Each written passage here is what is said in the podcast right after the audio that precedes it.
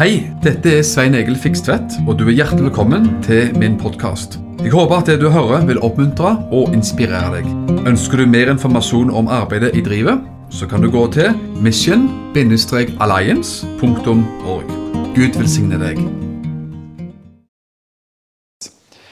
Ja vel, vi skal um, gå videre, og vi går rett på sak, egentlig. Vi har jo, Det var vel fire uker siden vi begynte på serien Fader vår, som vi hadde første del forrige gang. Og Da gikk vi gjennom dette. eh, Fader vår, du som er i himmelen, la ditt navn holdes hellig. Så Da talte vi om det, og da går vi altså egentlig videre. Men jeg tenkte jo at eh, vi kunne lese den bønnen uansett. Og den har jeg her på mine notater, og det finnes jo Bibelen også, da. Matteus 6, vers 5-13. Det, må vi repetere og, og ta, da. Matteus eh, 6, vers 5-13 i Jesu navn. Når du ber, skal du ikke være som hyklerne, for de elsker å, å, å be når de står i synagogene og på gatehjørnene, slik at de kan vise seg for menneskene. Sannelig sier jeg dere, de har alt fått sin lønn. Bare det er interessant, De gjorde det for å vise sin fromhet og åndelighet og, og sånt. For at de var eh, fromme folk, og, og da hadde de allerede fått sin lønn. Og den lønnen var ære av mennesker. Og det er jo ikke særlig mye. Men du, når du ber, gå inn i lønnkammeret ditt, og når du har lukket døren din, skal du be til den far som er i det skjulte. Og den far som ser i det skjulte, skal lønne deg åpenlyst. Det betyr ikke at det ikke er lov å be offentlig på et møte. og sånt. Det, det handler ikke om det. Det gjør vi jo allerede her. Men det, har med at man gjør ikke ting for å vise oss for mennesker og, og, og liksom på den måten. Eh, det finnes privatbønn og det finnes offentlig bønn hvis vi leser hele Bibelen og leser Nytestamentet. Så man må ikke misbruke det som blir sagt her. Og når dere ber, bruk ikke meningsløse gjentagelser slik hedningene gjør, for de tror de blir bønnhørt pga. sine mange ord. Vær derfor ikke lik dem, for deres far vet om alt dere trenger før dere ber ham. Derfor skal dere be slik, Fader vår, du som er i himmelen, la eh, ditt navn holdes hellig. Komme ditt rike, skje din vilje, som i himmelen, så og på jorden. Gi oss i dag vårt daglige brød, og forlat oss vår skyld, som vi òg forlater våre skyldnere. Og led oss ikke inn i fristelse, men fri oss fra det onde. For riket er ditt, og makten og æren i evighet. Amen. Da har vi lest eh, eh, Fader vår og tatt den med oss. Og Da skal vi snakke om i dag denne her neste setningen, eller nummer to, liksom i avdeling nummer to. Komme ditt rike. Skje din vilje, som i himmelen og så på jorden. Her snakker Jesus at vi skulle be om at hans rike skulle komme. Og at hans vilje skulle skje, som i himmelen, så opp på jorden. Altså, den viljen som, som skjer oppe i himmelen, det vi er ganske enige om, at Guds vilje skjer ganske bra i himmelen, altså. Der ser det fullkomment. Det er ikke, noe, ikke manko og mangel på noe der.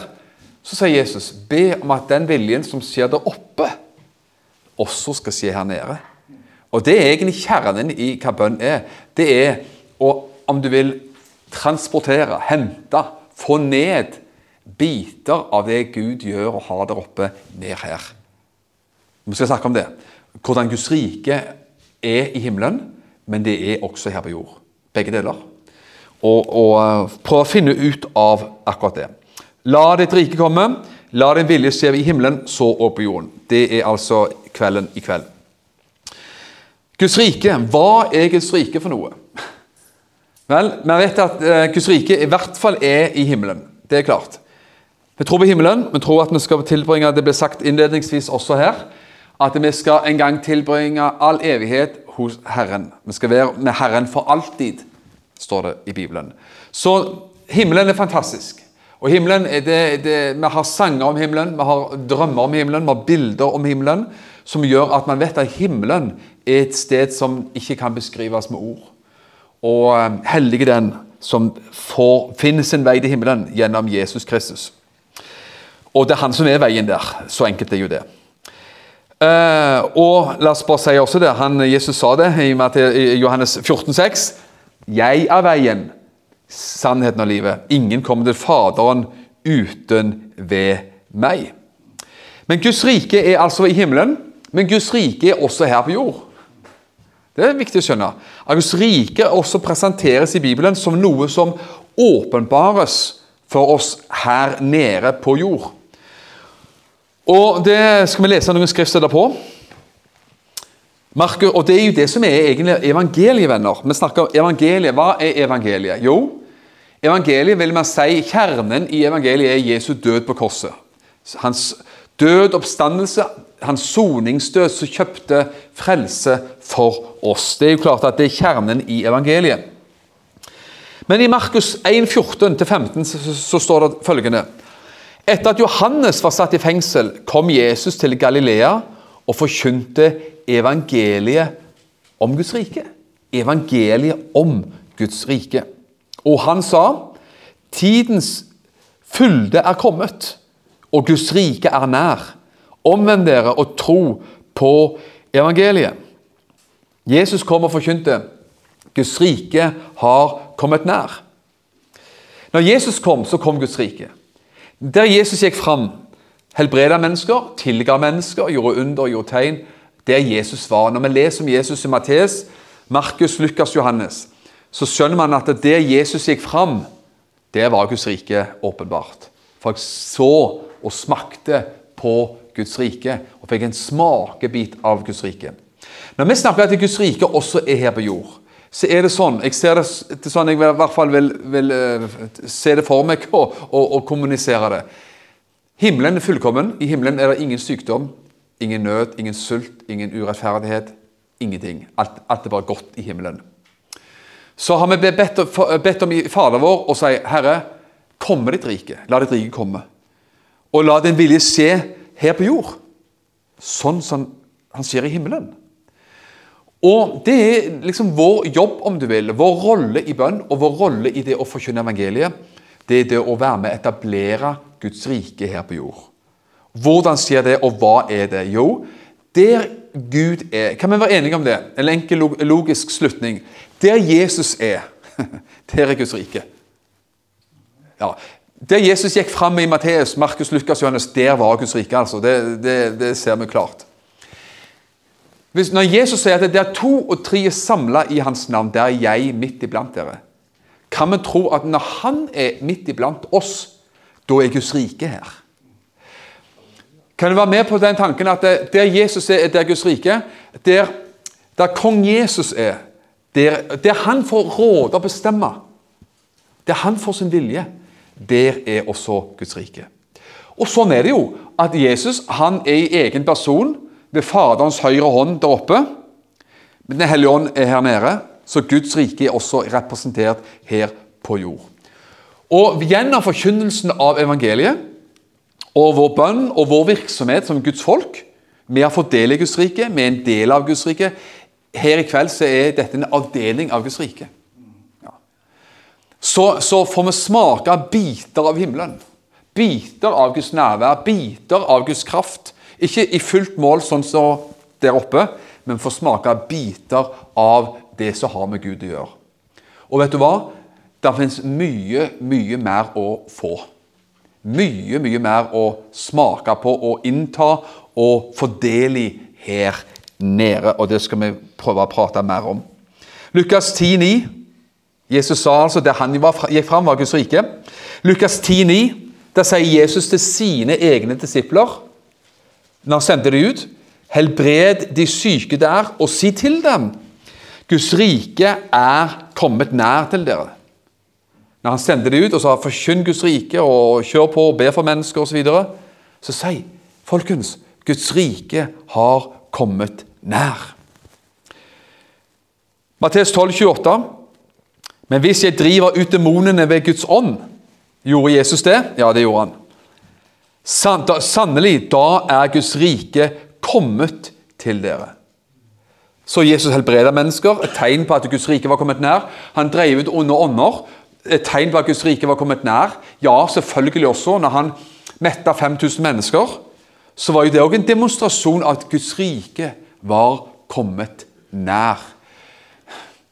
Og når Jesus så dro til himmelen etter sin oppstandelse, forsvant Guds rike da? Nei. Han dro opp, og Den hellige ånd kommer ned. Så Guds rike er iblant oss enn i dag. Hva betyr det? Hva består Guds rike av, da? Skal vi også lese noen skriftsteder her på det? Hva består Guds rike av i dag? Jo, faktisk det samme som det gjorde på Jesu tid. Men her står, sier Paulus i 1. Korinterbrev, kapittel 4, vers 19-20. Men jeg skal komme til dere om kort tid, sier han, om Herren vil. Og da er det ikke ordene fra de oppblåste jeg skal lære å kjenne, men kraften deres. Dette var jo midt i en slags hva skal man kalle det da, en konfliktsituasjon, og, og, og det fantes mennesker i området som, som eh, var store i ord og ville ha innflytelse i menigheten, og Paulus må ta et kraftig oppgjør med de. Så sier han likevel det. For Guds rike, sier han, består ikke i ord, men i kraft. Guds rike består ikke i ord, men i kraft. Med andre ord, det fantes, Guds rike fantes der og da. Det var en realitet for Paulus. Guds rike består ikke i ord, men består i kraft. Eh, Romerbrevet 14, 17. Romerbrevet 14, 17. For Guds rike består ikke i å spise og drikke. Ja, Du skulle jo tro at det, det var sånn av og til. og det er koselig, det. Vi trenger mat, så det vet vi godt. Men likevel, Guds rike består ikke i mat og drikke, men i rettferdighet og fred og glede i Den hellige ånd. Her har vi lest om fire ting. På disse to versene så finner vi altså fire ting Guds rike er. Det er, Guds, det er kraft. Guds rike består i kraft. Og det består i rettferdighet og fred og glede i Den hellige ånd. Der Den hellige ånd er, der er, fins disse tingene. Altså Noe av det som Guds rike har, altså det er rettferdighet og så er det fred og glede. Der Gud får råde, kan du tro at der er det litt glede. Der Gud får råde, er det rettferdighet. Der Gud får virke og råde og bestemme, der det er kraft og fred og glede og rettferdighet og alle andre ting. Guds rike, venner, er annerledeslandet. Husker du den sangen man sang, eller lærte kanskje på skolen, jeg vet ikke, i gamle dager? 'Bakvendtland'? Er det bare jeg som har hørt den? Det er en ganske sprø sang. Fin, artig sang. Guds rike er på et slags bakvendtland på mange områder i forhold til det, det, det, denne verdensriker, kongeriket Norge eller eh, hvor som helst på kloden. Disse menneskelige kongedømmer og riker som av til er gode riker, andre ganger forferdelig grusomme diktaturer rundt omkring. At Guds rike er annerledes. Der det er kraft, rettferdighet, glede og fred. Oi, oi, oi. Vi har noe å invitere mennesker inn i. Dette riket, som begynner når man blir frelst, men som ender i himmelen. Og mens vi er her nede, så vil vi alltid leve i den dragningen og konfliktsonen mellom verdensriker Vi lever i en vond verden. Og Guds rike. Vi lever menneskelig sett i kongeriket Norge, og det er blant de beste land i verden å bo i.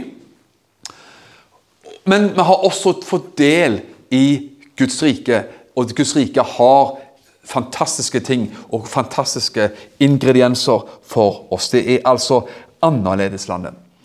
Jesus underviste veldig mye om Guds rike.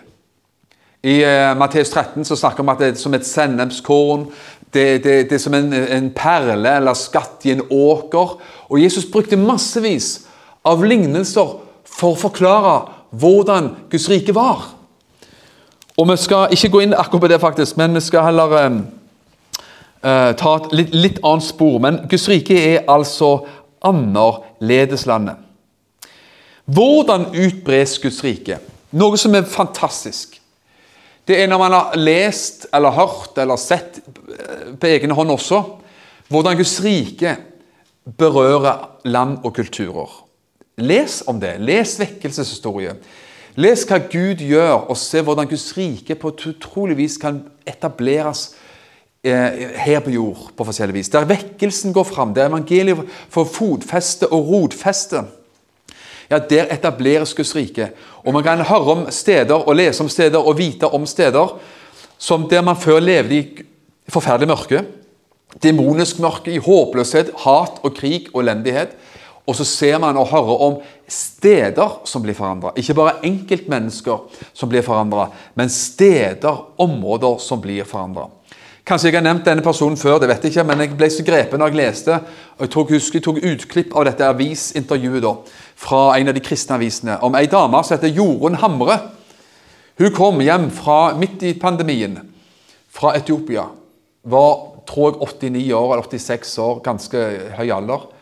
Kom trillende ut av flyplassen ut forbi Stavanger i rullestol. Og brukt hele sitt liv fram og tilbake, perioder hjemme. Men var utsendt av Misjonssambandet og virka hele sitt liv i Etiopia. Og forteller at jeg har sett i blinde øyne se, jeg har sett demoner eh, fare ut av mennesker. Og så sa hun jeg har ikke bare sett enkeltmennesker bli forvandla, men jeg har sett områder bli forandra. Av hva? Evangeliet, av Guds kraft, av Guds ord, av Guds rike. Er ikke det nydelig? Når du ser at evangeliet kan slå så gjennom at det forandrer en kultur fra kanskje fedredyrkelse, åndedyrkelse, mørkets krefter, eh, alskens eh, blodhevn og alt mulig som han har eh, holdt på med, så bryter evangeliets lys så sterkt fram at heksedoktorer blir frelst, og det blir rett og slett en annen kultur. Det er fantastisk. Det skjer i verden. Det hører man ikke så mye om, og man lengter etter at det skulle skje på ny i Norge. Det var noe der man, man vet skjedde under Hans Nilsen Hauges tid. At det ble utrolig sterke samfunnsforandringer gjennom at mennesker fikk del i evangeliets lys. Og nå lever vi dessverre i en postkristen tid i Norge. Nærmest nyhetensk tid, der frafallet har vært stort, men det kan forandres på.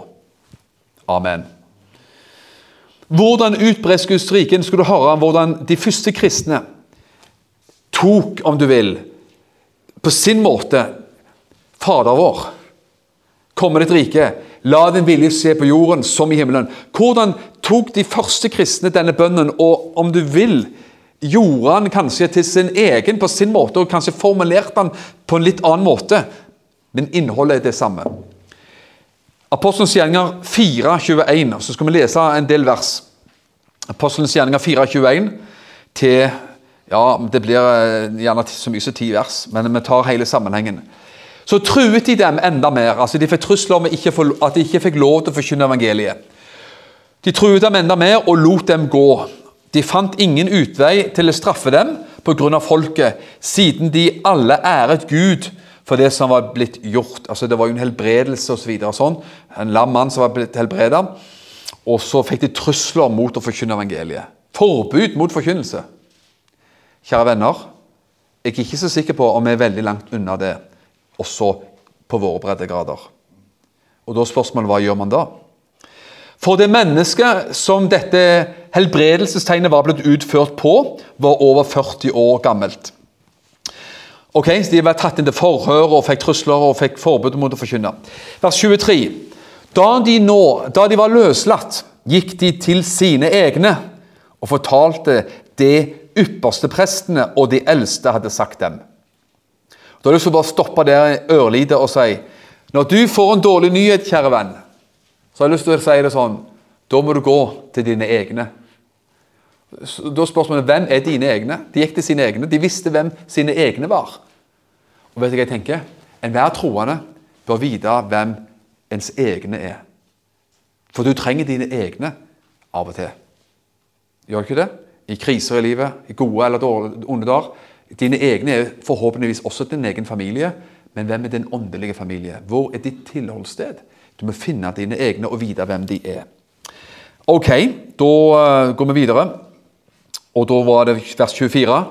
Så gikk de til sine egne, og da de hørte dette, løftet de samstemmig sin røst til Gud og sa, Herre, du er Gud som har gjort himmelen, jorden og havet og alt som er i dem. Du som ved den tjener Davids munn har sagt, hvorfor raste folkeslagene, og hvorfor planer folkene tomme ting? Jordens konger stilte seg opp, og fyrstene samlet seg sammen mot Herren og mot Hans Kristus. For i sannhet, de samlet seg sammen mot din hellige tjener Jesus, ham som du salvet, både Herodes, Pontius Pilatus, sammen med hedningene og Israels folk for å gjøre det som din hånd og ditt råd på forhånd hadde bestemt skulle bli gjort. Så det er en lang innledning da, om opphøyde Gud og priste Gud og, og, og, så videre. Sånn. Men nå kommer poenget her. Vers 29. Nå, Herre, se til truslene deres, og gi dine tjenere å tale ditt ord med all frimodighet. Så måten man måtte respondert med forbud mot å forkynne evangeliet, det var, Herre, mer frimodighet. Vet du hva vi hadde gjort? Skal vi skal være det frekke mot oss sjøl? Vi hadde sagt, Herre, litt mer visdom. Litt mer takt og tone, litt mer forsiktighet. Vi skal jo forkynne evangeliet fremdeles, men la oss være nå litt mer taktfulle og forsiktige og vise. Det hadde vi sagt. Tror jeg. Men her sier de Herre, la de bare enda mer frimodige. La de forkynne med frimodighet. Ok? Det er det vi trenger å be om. Uh, la dine tjenere forkynne med all frimodighet, ja, vers 29. Og så 30.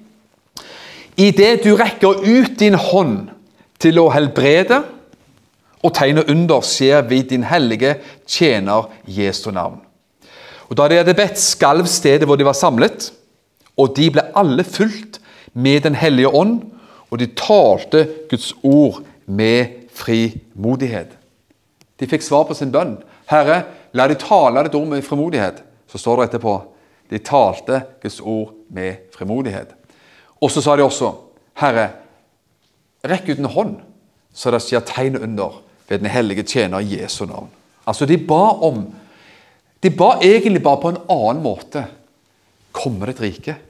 Se din vilje på jorden så som i himmelen. Er du ikke enig i at det er veldig beslekta, disse bønnene? Og venner, Vi er kalt å be det samme. Hvis de ba det, Fader vår og denne bønnen og andre bønner, så er vi kalt å be de samme ting at Guds rike skal gå fram. Guds rike i himmelen, ja, men vi ønsker at Guds rike skal Folk skal komme inn i Guds rike nå. Når et menneske blir frelst, kommer man inn i Guds rike. Kolossene, Kolossene 1,13 sier Han som har fridd oss ut fra mørkets makt og satt oss over i sin elskede sønns rike. Så vi plasseres inn i Guds rike her og nå. Amen. Men i himmelen da er, da er alle jordiske riker vekke. All djevels motstand er vekke, så da er det ingenting som butter imot. Ingen bremser på.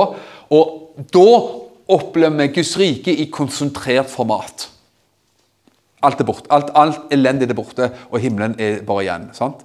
Men her og nå så vil vi ha denne, dragningen og krigen og striden mellom mørkets rike og Guds rike. Men vi, det er vår jobb og Det er vår rolle og det er vår, vår bønn at Guds rike skal gå fram mest mulig. Hvordan skjer det? Jo, det skjer for, Og hva var Guds rike? Jo, vi, det, vi leste det er, Gud, det er kraft. Det er kraft. Det er glede, fred og rettferdighet i Den hellige ånd. Og det er det vi ønsker skal utbre seg og vokse og gripe mer og mer om seg rundt omkring. Hvordan skjer det? Jo, ved at vi ber. Det har vi lest allerede. Herre, rekk ut en hånd. To ting. La din tjener forkynne med frimodighet. Så forkynnelsen av evangeliet, forkynnelsen og utbredelsen av Guds ord og evangeliet, er det som må til. Og at Gud rekker ut sin hånd til tegn og under og mektige gjerninger. Det er fantastisk når det skjer, og når Satans makt brytes over et menneskes liv og et område. Kanskje med, med forbehold og med si beklagelse hvis jeg har sagt det før. Jeg tror ikke jeg har sagt det her. Men jeg, jeg, når, man, når, det har vært koronanedstenging, så har man jo ikke fått reist noe, akkurat noe særlig ut av landet. Men da har jeg fått eh, nåde fra Herren til å være med og være med bygge noen kirker i Burkina Faso. Og Det har vært en stor glede. Og en av de kirkene eh, ble, ble rett og slett eh, brent ned. Ikke, ikke, den som jeg har vært med bygd, men jeg er med å bygge opp en ny. Fordi at vekkelsen på dette stedet som Sin kone Ikke sint kone, men Sin kone. Så gikk evangeliet så sterkt fram at det, at det ble forfølgelse. Og de rev ned kirka, og de jagde pastoren ut av, av området. Og så skjedde det merkelige, jeg skal ikke legge mer i det enn det som er bare fakta, at eh, noe over 10-15 stykk, eh, rundt 15, men av disse som sto i front det, på dette, denne forfølgelsen, De døde bare. De, de rett og slett de, de, gikk en uforklarlig død i møte. Og det gjorde at resten av mobben og resten av motstanderne og resten av de som hadde vært med på dette, de kom og ba pastoren om tilgivelse. De oppsøkte pastoren og nøda han til å komme tilbake igjen. Og starte opp virksomheten igjen. Men de hadde jo ikke kirke. Den var ødelagt og nedbrent. Så vi har fått vært med og jobbe med det nå, at den, den kirka der skal komme opp igjen. Fordi at det var så mange som hadde blitt frelst. Og da blir det en trussel, for da, da forandres kulturen. Og faktisk så ble det rapportert at det ble vanskelig for de som drev med ofring av dyr, til å få tak i kjøpe kyllinger, av alle ting. Det var vanskelig å få tak i. Fordi at det var så mange som ble frelst. Det var vanskelig, det var få, det var vanskelig å få tak i kylling og kjøpe kyllinger og høner til å ofre. Ikke fantastisk? Guds rike går fram, og mennesker blir forvandla av evangeliet. Vi får lov til å være med på det. Prise Gud.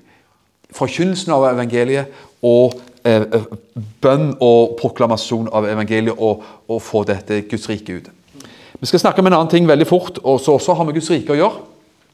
Og Det handler om gjerne det jeg skal, det jeg skal si, handler jo kanskje om det også.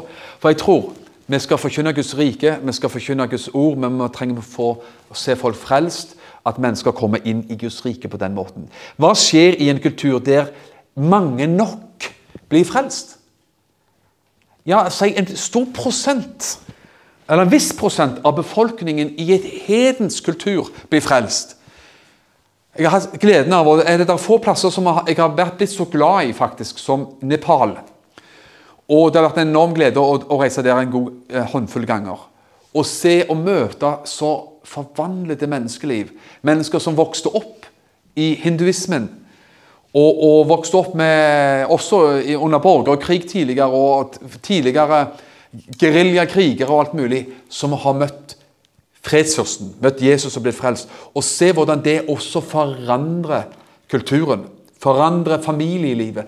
Det skaper en forandring, for Gud gjør et verk på innsiden og ut. Der skjer forandring. Hva skjer når mange nok, når en viss prosent i en land blir kristne? Da får man makt, om du vil, eller innflytelse. Det begynner å skape forandringer og, kulturforandringer som er bare fantastisk. Nå er De aller fleste hinduer også i Nepal, men evangeliet har gått sterkt sterkt fram der i mange mange år. og Det er jo fantastisk. Også ved norske pionermisjonærer tidligere, faktisk talt. Og I det så tror jeg også at Gud kaller mennesker til å bære Guds rike med seg. Frelst. Man tror på det man tror på, man står for en annen kultur, man står for noe annet i livet. Og så bærer man dette med seg på sin arbeidsplass, ja, for sitt nabolag, eller til, ut i sin verden. Til og med også ut i den politiske verden. Så kan kristne mennesker som ber en annen standard, og som står for annen, et annet verdi, syn bære dette med seg og skape forandring rundt omkring. Finnes eksempler på det i historien på mennesker. Eh, John Newton fra England og Wilberforce fra England var jo begge fantastiske redskaper som var med gjenfødte kristne som var blitt radikalt frelst, og som, som forandra Som eh, gjorde slutt på slavekulturen i England. Det var kristne mennesker. Man bærer med seg noe. Hva med Hans Nilsen Hauge, som ikke bare hadde husmøter, men som også startet bedrifter og, og satte i gang en kultur av arbeid, av trofasthet osv. som gjorde at det bygde også samfunnet. Så Det trenger vi å ha med oss, og også for, ha forståelse for den siden der. Men spissen på det hele er evangeliet. At evangeliet får lov til å forandre mennesker. Priser Gud for det. Og mot slutten her, og sånt, så i hvert fall vi skal ta og lande noe her Vi, vi kunne sagt veldig mye f.eks. om helbredelse. La oss ta det også før jeg, før jeg prøver å gå videre her.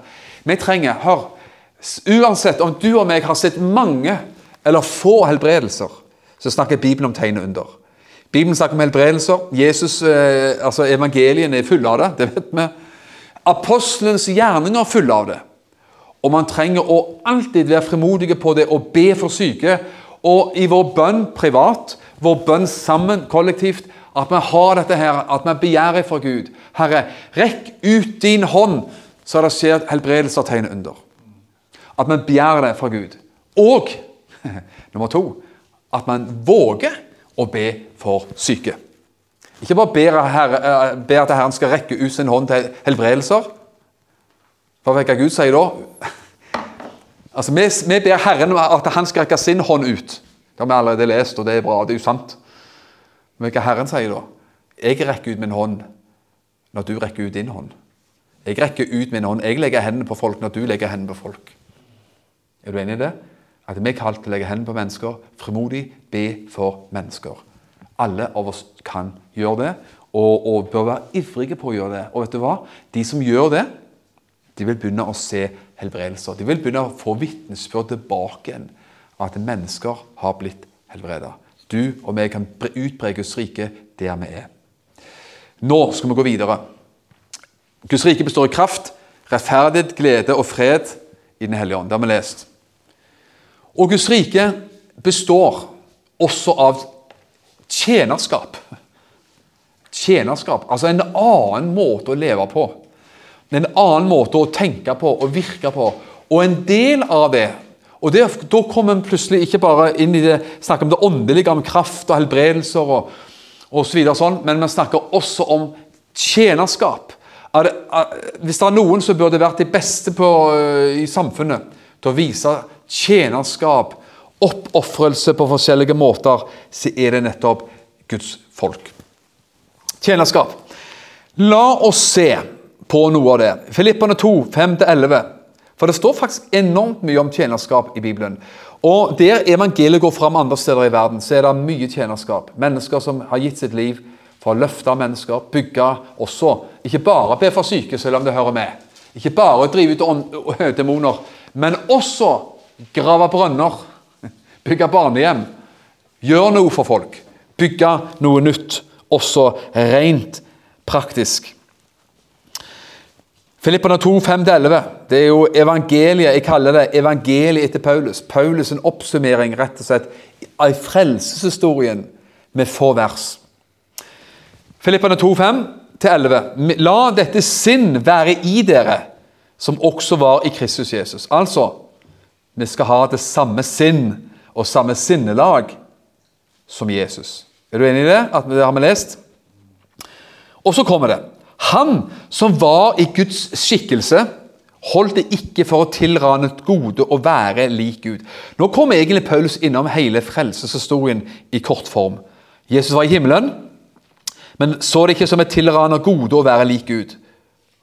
Og vers 7 sier Men han uttømte seg selv. Han gikk avkall på noe.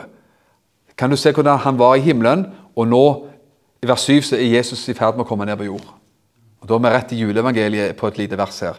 Men han uttømte seg selv og tok på seg en tjenerskikkelse og kom i menneskers likhet. Vers 7 det er altså er lik juleevangeliet. Paulsen versjon. Og vers 8 da han i sin fremtreden var funnet som et menneske Når Jesus vandra her på jord Hans liv og tjeneste, som vi ser i evangeliene, så han funnet som et menneske. Var menneskesønnen. Så fornedret han seg selv, vers 8, og ble lydig til døden, ja, døden på korset. Det har du påskeevangeliet. Vers 9 er rett og slett i én setning og ett vers påskens budskap, mens vers 7 var julens budskap. Og så, vers 9.: Derfor har også Gud høyt opphøyet ham og gitt ham navnet som er over ethvert navn Igjen oppstandelsen og påskeevangeliet.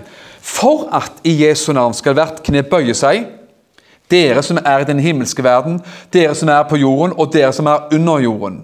Og for at hver tunge skal bekjenne at Jesus Kristus er Herre til Gud Faders ære.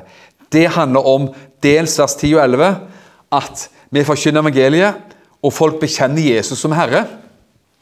Og på et eller annet tidspunkt senere fram i tid så skal ethvert menneske være nødt til og bekjenne Jesus som Herre.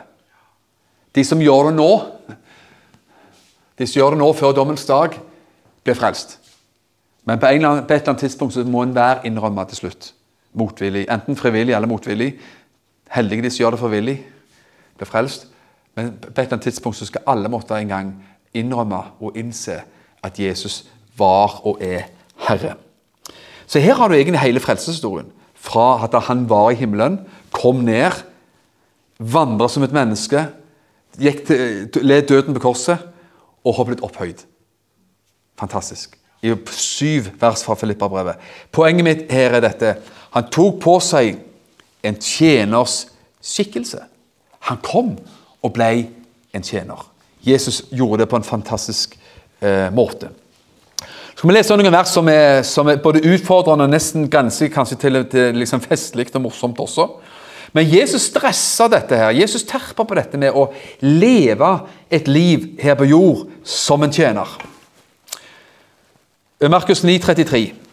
Så kom han til Kapernaum, og mens han var i huset, spurte han dem.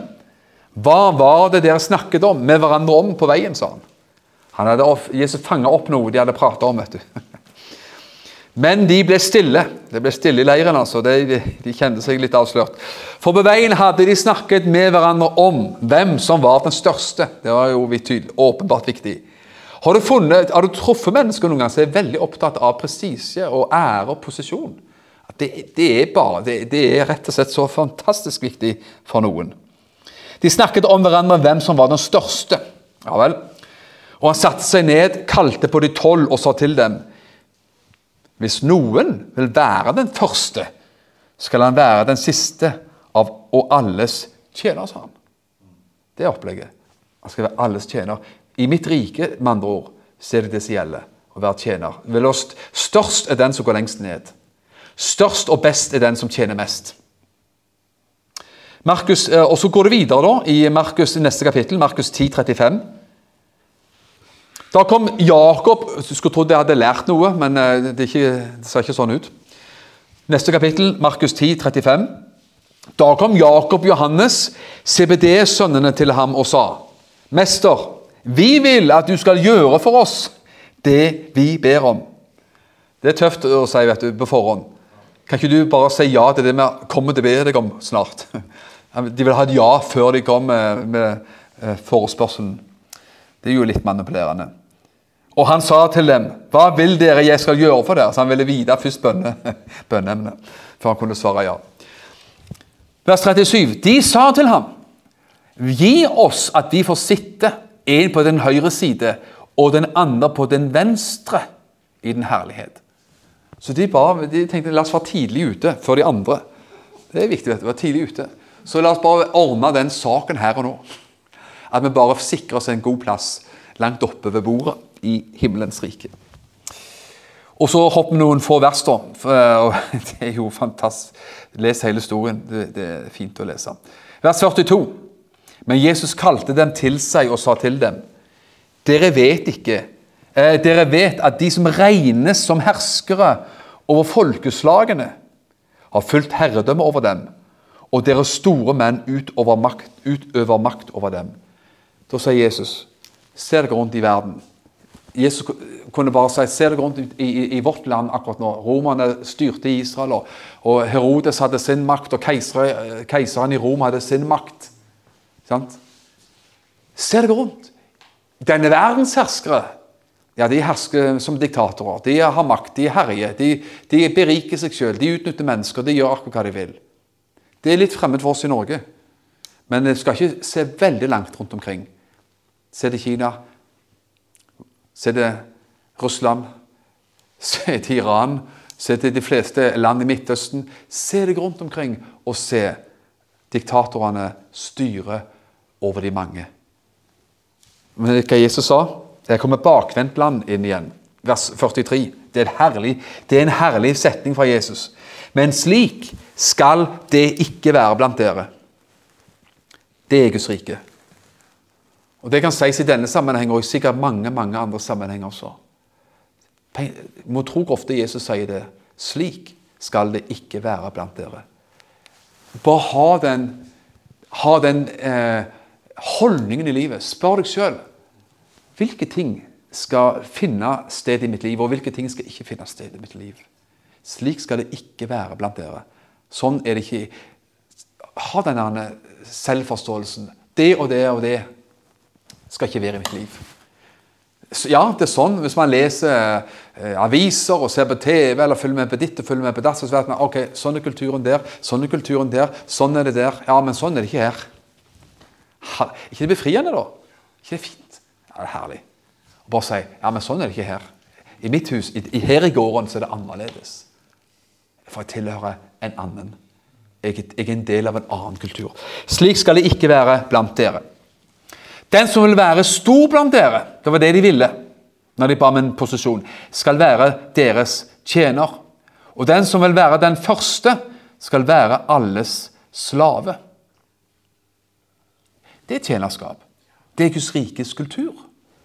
Hvis vi kunne lære å forstå hvordan man som kristne kunne dyrke fram, vokse fram, kultivere Guds rikes kultur annerledeslandet, annerledeskulturen. Bakvendtlandet i forhold til mye av det som er rundt oss. Jeg tror mange vil bare komme til Guds menighet av den grunn. Og vet du hva jeg tror? Når, Guds, når det blir mørkere og mørkere i denne verden, av synd og av ondskap og galskap, så skal Guds menighet stå for noe annet. Og vet du hva? Hvis ikke menigheten står for noe annet, så er man ikke lenger en menighet. Det er Svein Egils påstand. Da er man noe annet. Da er man bare blitt en avdeling av denne verden.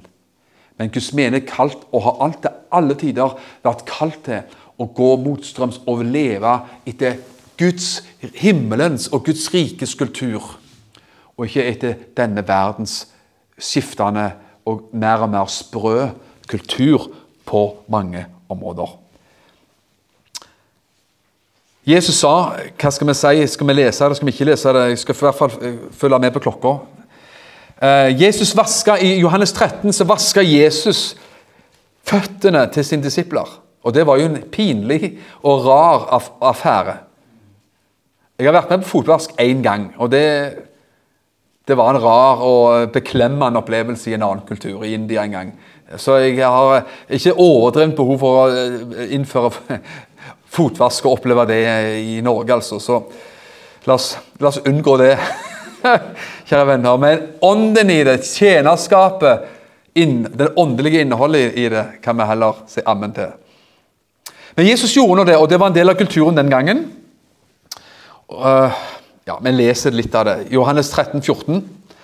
Hvis jeg da, han hadde vaska disiplene sine føtter, tatt runden rundt, og de var målløse De var rett og slett målløse. Før Peter sa før Jesus kom til Peter med håndkle og fate og med vann, og så er Peter Peter bryter stillheten, for det gjorde han alltid. Han, han vågte å si ting som ingen andre vågte å si. vet du. Så han, 'Skal du', sa han, med, 'skal du virkelig vaske mine føtter?' Ikke tale om, sa han. Jesus sa, 'Hvis vi ikke, hvis vi ikke får lov til det, så har vi ingenting si, med hverandre å gjøre.' Da har vi ingen del med hverandre. Og Da måtte Peter gi seg og sa 'OK, da. Gjerne det og, og, og, både føtter og resten, sa han, for dette, jeg vil ikke miste dette likevel. Men så hadde Jesus da gjort dette. Og Da står det vers, 13, eh, vers 14. Hvis da jeg som er deres mester og herre, har vasket føttene deres, skylder også dere å vaske føttene til hverandre. Nå har jeg gitt dere et eksempel for at dere skal gjøre som jeg har gjort mot dere. Sannelig sier jeg dere, en tjener er ikke større enn sin herre, heller ikke den som er utsendt, større enn han som har sendt ham. Hvis dere skjønner dette, er dere salige, så sant dere gjør det. Altså tjenerskikkelsen. Jeg tror, det, jeg tror, ikke vi har et bibelsk belegg på at vi skal i Norge i 2021 praktisere fotvask som en del av gudstjenesten, som jeg sa, men tjenerskikkelsen i det står ved lag. Amen. Og vet du hva?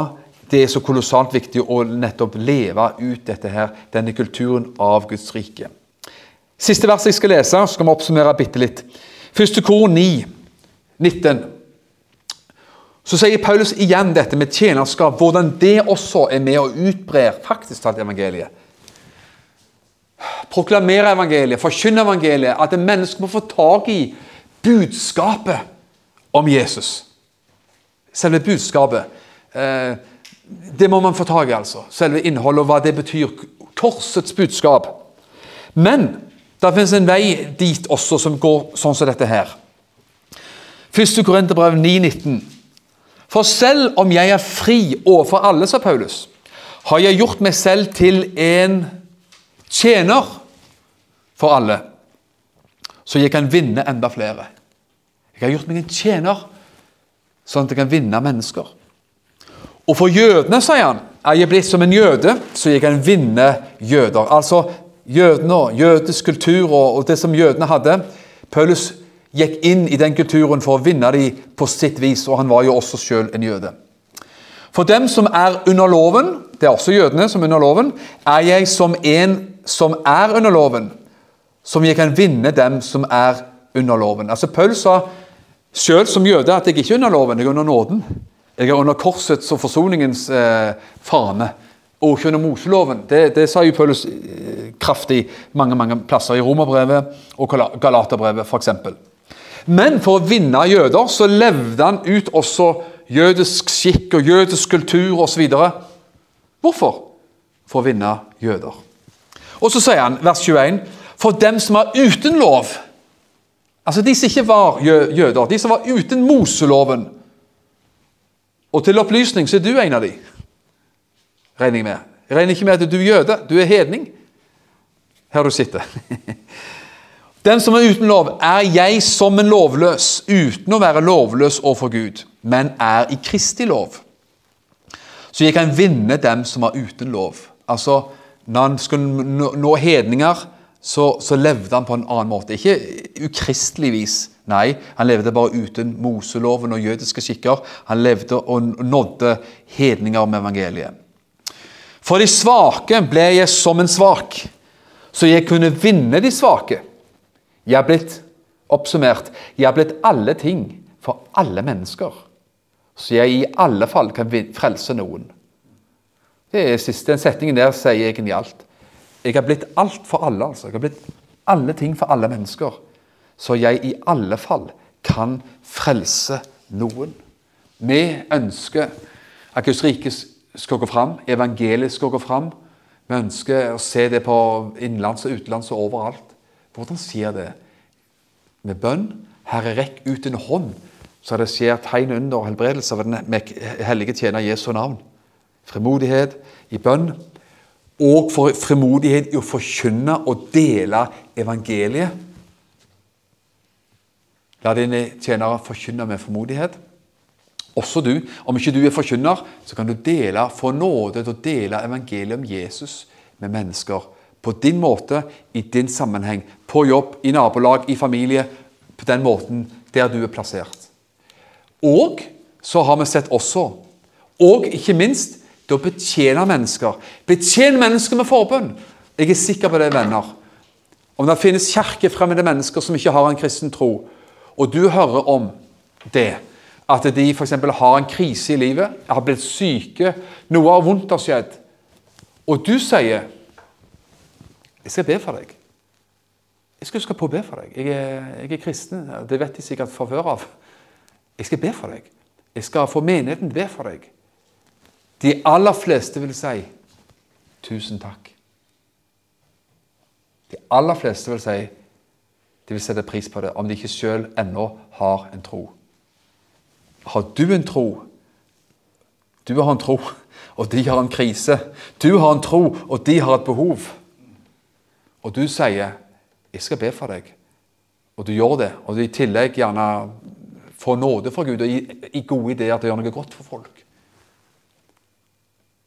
Kjøre de, hente de, bringe mat på døra, eh, sende en SMS, sende en blomst. Gjør det som passer i anledningen. Du er en tjener for å gjøre godt for folk, og du ønsker også ved det å vise dem Jesu sanne ansikt. Tjenerskap. Jeg er blitt alle ting for alle mennesker. Bønn, forkynnelse og tjenerskap. La ditt rike komme. La din vilje skje på jorden som i himmelen. Det er det vi har snakket om i dag. Hvordan skjer det? Ved forkynnelse, ved bønn og ved tjenerskap. Og Nå skal vi også dra det rett inn, så vi ikke bare snakker om at vi skal forkynne, vi skal, vi skal gjøre ditt og datt. For Vi snakker faktisk også om bønn. Hvordan kan du bruke dette i bønnelivet? Ja, Da ber du, vet du. Når du ber under den, liksom, den overskriften 'La ditt rike komme', så be om at evangeliet skal treffe, evangeliet skal komme til de du har kjær. Be for dine ufrelste venner og nære og kjære. Eh, be, be, om at mennesker skal bli helbredet. Be at vi skal få se flere helbredelser i Norge. Mer tegn under i Norge. Be det fram. Altså, Putt det som er naturlig for deg, under den overskriften. La ditt rike komme, og la din vilje skje på jorden som i himmelen. At du ber at Guds rike skal berøre Guds, alle de ting som har med Guds rike og Guds vilje å gjøre, skal treffe mennesker. Når jeg ber for mine hver dag, alle gjør vel det Jeg ber for min familie, så ber jeg at de skal være friske. Frimodig så ber jeg om det. Jeg ber at de skal ha det godt. Jeg ber for kone og barn og forskjellige. Så ber jeg at de skal, de skal gå det godt. Så har jeg fått på hjertet at jeg skal be for noen som jeg kjenner fra tidligere plasser og tidligere tider. Så jeg har bestemt meg for, spesielt jeg tenker på noen få ektepar, som jeg kommer sikkert aldri til å se igjen. For jeg bor, jeg bor, jeg bor i, i Froland, og disse her som jeg snakker om, bor i, på Vestlandet. Som jeg kommer til å be for, kjenner jeg, til de har trukket sitt siste åndedrett. Mennesker som ikke har troen på Jesus, så langt jeg skjønner. Jeg har fått det på hjertet. Jeg vil be for det hver dag, så langt jeg formår. Til å bare løfte det opp for Gud og be for dem. Be at de skal få høre evangeliet, skal få ta på Guds rike, at de skal kjenne kallet fra Gud, osv. Og så får den enkelte av oss forme det så, sånn som man kan. Men be fremodig. Du skal også be fremodig for deg sjøl. Herre, jeg tar imot din, ditt rikes eh, ingredienser og bestanddeler i mitt liv. Jeg vil ha mer glede i mitt liv. For Guds rike består i glede. Jeg vil ha mer rettferdighet og leve ut rettferdigheten i mitt liv. For det Guds rike består av rettferdighet. Jeg vil ha mer kraft, åndskraft, i mitt liv. For Guds rike består ikke i ord, men i kraft. Så blir den delen også en del av vårt bønneliv. Og så kan man si, Herre, vis meg hvordan jeg skal formidle ditt rike til mennesker som jeg er glad i. Ja, hvordan skal jeg formidle Guds rike? La de få en smakebit av himmelen gjennom vårt liv. Noen får smake Guds rike gjennom vårt liv. En bit. Hvis du drar på en sånn butikk, Obs eller noe en gang iblant, så står det av og til sånne eh, damer eller menn fra Toro eller stabburet, og så skal de gi deg et plastikkbeger med en kjøttbolle oppi for at du skal få sånn smaksprøve av et eller annet. Og Så skal du smake med en plastikkgaffel, og, sånt, og så skal du smake, så skal du helst gå og kjøpe lasagne eller noe annet. Er det bare jeg som har opplevd det? Nei. Skjønner, sånn må du og meg være. Du gir mennesker en eh, sånn plastikkgaffel og litt mer av en smakebit av Guds glede, av Guds kraft, av Guds godhet. Så håper vi at de går til den rette hylla og kjøper hele pakken. Hele middagen etterpå. Amen.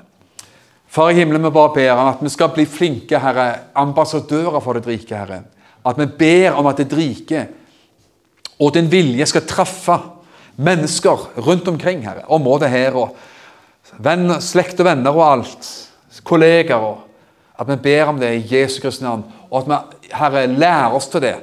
Og formidler godhet, formidler tjenerskap. Men også formidler forbønn. Formidler håndspåleggelse og man kan vokse i alt dette her. At vi alle sammen kan få lov til å være ambassadører for ditt rike. Vi takker deg for det i Jesu Kristi dyrebare navn. Amen. Amen. Jeg skal sette meg veldig, veldig fort. Jeg må bare si full fart en liten ting til. og det er at det, ja, Hvor mange 10-15 stykker her i dag, f.eks. Så tenker jeg, og det sa jeg ofte når jeg var pastor òg Når vi prekte gjerne for 100 personer, så sa jeg at her i dag, sa jeg, så er det 100 evangelister. 100 misjonærer. 100 hurder. Hvorfor det?